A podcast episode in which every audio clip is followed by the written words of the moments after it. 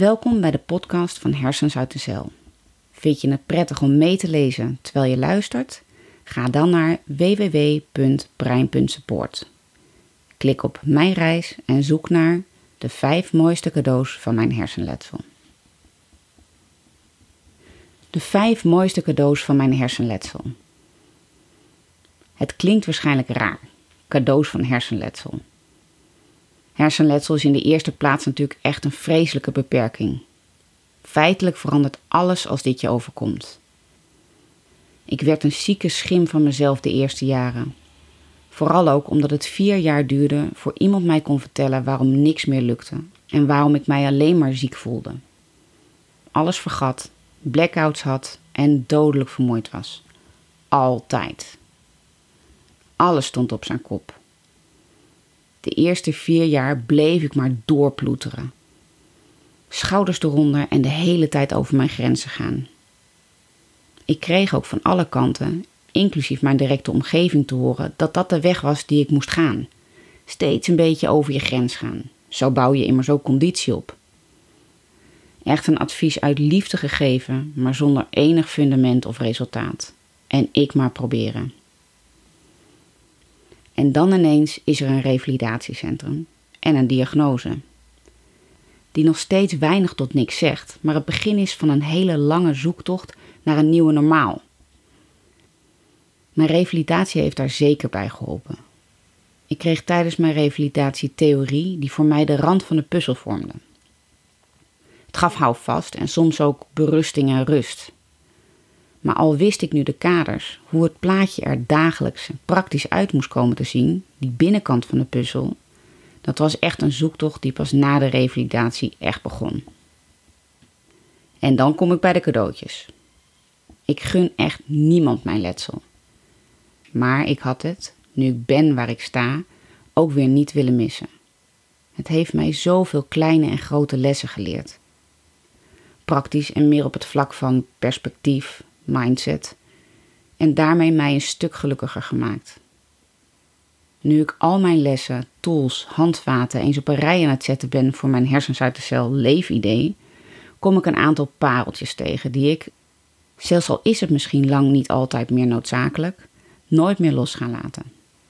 Ik deel ze graag met jullie. Wie weet hebben jullie er ook iets aan. 1. Actief wassen. Wie koffert strijk hier? In mijn oude brein was ik echt geen goed persoon, moeder, vrouw, etc. etcetera, als ik niet alles, maar dan ook alles gestreken had. En dan ook op dezelfde manier gevouwen, op keurige stapels, even breed, etc. in de kast had liggen. Liefst nog op kleur. Ik streek nog de washandjes en de sokken als er een randje in zat. Maar na mijn hersenletsel hing ik vaak al binnen twee minuten letterlijk voorovergebogen over de strijkplank. Misselijk, duizelig, hoofdpijn, noem het maar op. Het moest dus anders. Nu heb ik niet eens meer een strijkbout of een strijkplank. Ik vouw bijna geen kleding meer. Het enige wat ik nog nodig heb is de wasmachine en de droger. En die laatste gebruik ik ook nog eens veel minder. Ook nog eens milieuvriendelijk. 2. Luisteren naar mijn lijf. Tijdens de revalidatie leerde ik om in kaart te brengen welke signalen mijn lijf afgeeft als ik over mijn grens ga. En dat het doel is om binnen de grenzen te blijven van wat kan. Zo ontstaat er balans. Anders dan doe je op een dag dat je het goed voelt veel te veel, met als gevolg dat je de dagen daarna de prijs betaalt en met een hoop frustratie tot niks in staat blijkt. Die signalen van je lijf kunnen voor iedereen met hersenletsel anders zijn. Geen letsel is immers hetzelfde. Zo heb ik naast hoofdpijn, misselijkheid en vele andere tekenen de rare vroegtijdige trigger om over mijn wenkbrauwen te gaan wrijven als ik te ver ga. Vreemde eigenschap, maar goed om duidelijk te hebben. Luisteren naar mijn lijf helpt mij nog steeds dagelijks en zou eigenlijk voor iedereen slim zijn om meer te doen. 3. Blokjes werken. De signalen die ik hierboven beschreef zijn weer heel belangrijk voor mijn volgende cadeautje van hersenletsel al kan deze nog wel wat beter qua uitvoering in mijn geval. Work in progress, zullen we maar zeggen. Ik maak hier zeker een speerpunt van, want het werkt. Laatst schreef ik al twee blogs over van taak naar tijd. En daar gaat dit dus ook over. Voor iedereen, maar zeker met hersenletsel, is het belangrijk goed naar je lijf te luisteren. Fysieke inspanning af te wisselen met cognitieve activiteiten, ontspanning en rust. Blokjes dus. Als ik van mijn to-do geen taak maak, maar de tijd die ik eraan besteed, dan ontstaat er balans en vinkjes op mijn to-do-lijst. Bovendien is het makkelijker, dus nog steeds niet makkelijk, even voor de duidelijkheid, makkelijker om mijn energie te verdelen. Het geeft inzicht, rust, balans en voldoening. Met als gevolg dat ik meestal ook nog eens meer voor elkaar krijg. 4. Ochtendroutine. Voor deze ben ik echt zo dankbaar.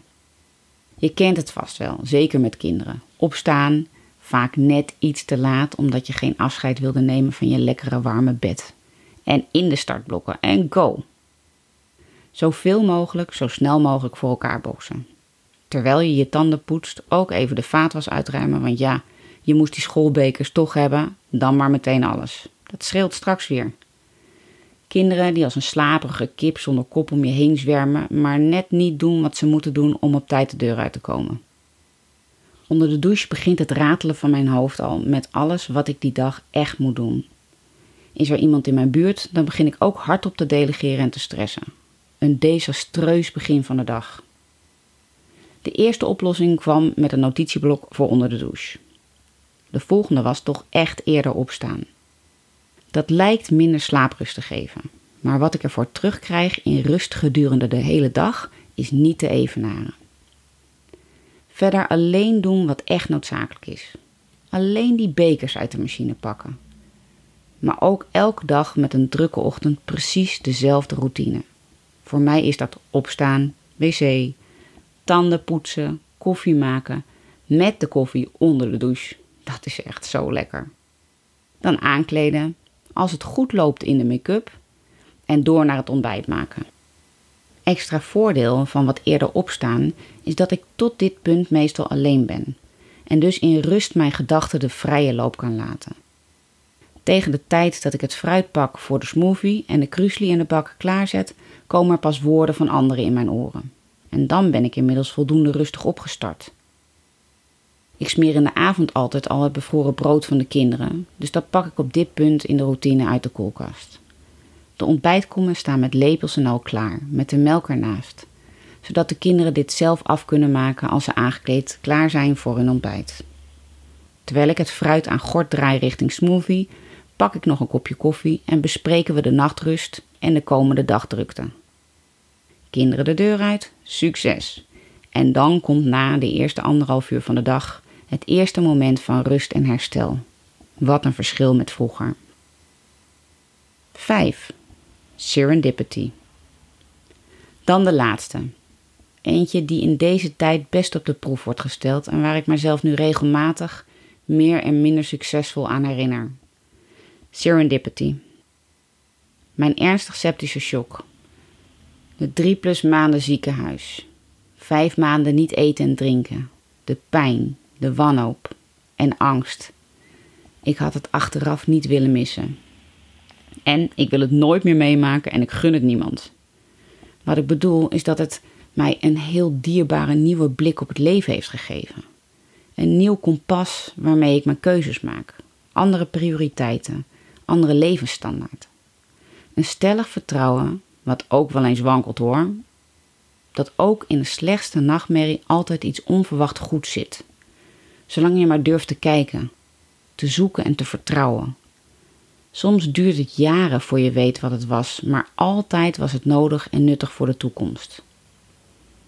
Ik gun niemand mijn hersenletsel, maar wel iedereen de mooiste lessen die het mij heeft gegeven. More to come.